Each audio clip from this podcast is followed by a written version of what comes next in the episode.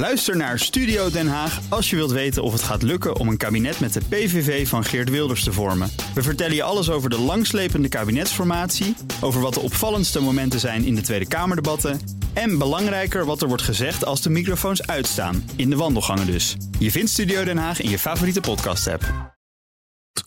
De column van Paul Lasseur. De maatschappelijke verwarring was groot vorige week toen op één dag twee ziekenhuizen failliet gingen. Het idee alleen al was ongehoord dat een zorginstelling op de fles kan gaan, acuut bedden moet ontruimen en patiënten elders moet zien onder te brengen. De chaos die daarop ontstond was enorm mediageniek en de verontwaardiging dus ook groot. Bij nader inzien had de ontruiming natuurlijk ook wel wat minder abrupt gekund.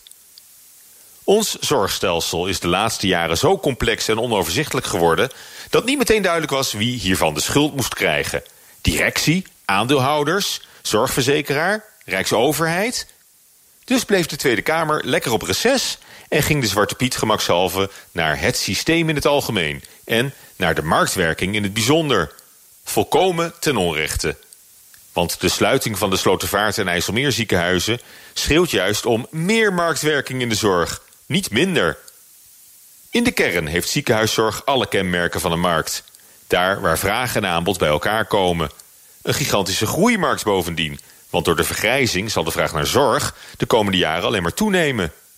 De beste manier om betaalbaarheid en kwaliteit van zorg te waarborgen, ook in de toekomst, is eerlijke concurrentie tussen zorgaanbieders.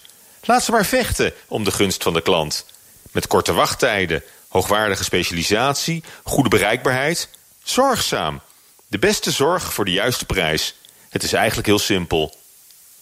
Maar het heldere principe van een vrije marktwerking wordt verstoord door een ongelijke machtsverdeling in de sector. Waar het kartel van zorgverzekeraars de dienst uitmaakt en grote systeemziekenhuizen in de praktijk toch wel too big to veel zullen blijken. Nederland telt 66 ziekenhuizen. 14 daarvan staan er financieel slecht voor. Volgens de accountants van BDO. Vooral door de snel stijgende personeelskosten. Kleine ziekenhuizen zijn extra kwetsbaar en moeten zich grote zorgen maken. De tucht van de markt treft nu alleen de uitdagers van het oude stelsel... die ironisch genoeg juist op de betaalbaarheid van de zorg concurreerden. We hebben alle belang bij een streng controlemechanisme... om de almaar stijgende zorgkosten te beteugelen. De markt is daartoe beter in staat dan de overheid. In het licht van de twee flitsfaillissementen van vorige week tonen ziekenhuizen uit de omgeving zich nu al slagvaardig en ondernemend... en nemen tegelijk hun maatschappelijke verantwoordelijkheid met de burgemeesters. Ontslagen personeel en patiënten hebben alweer onderdak gevonden in de regio. Het bankroet van de Slotervaart en ziekenhuizen is een harde les... voor de sector en de samenleving. Maar zonder marktwerking is betaalbare zorg in de toekomst niet haalbaar. Prettige maandag. En dat zegt Paula Suur in zijn column. En die kunt u teruglezen en luisteren op bnr.nl en in de BNR-app.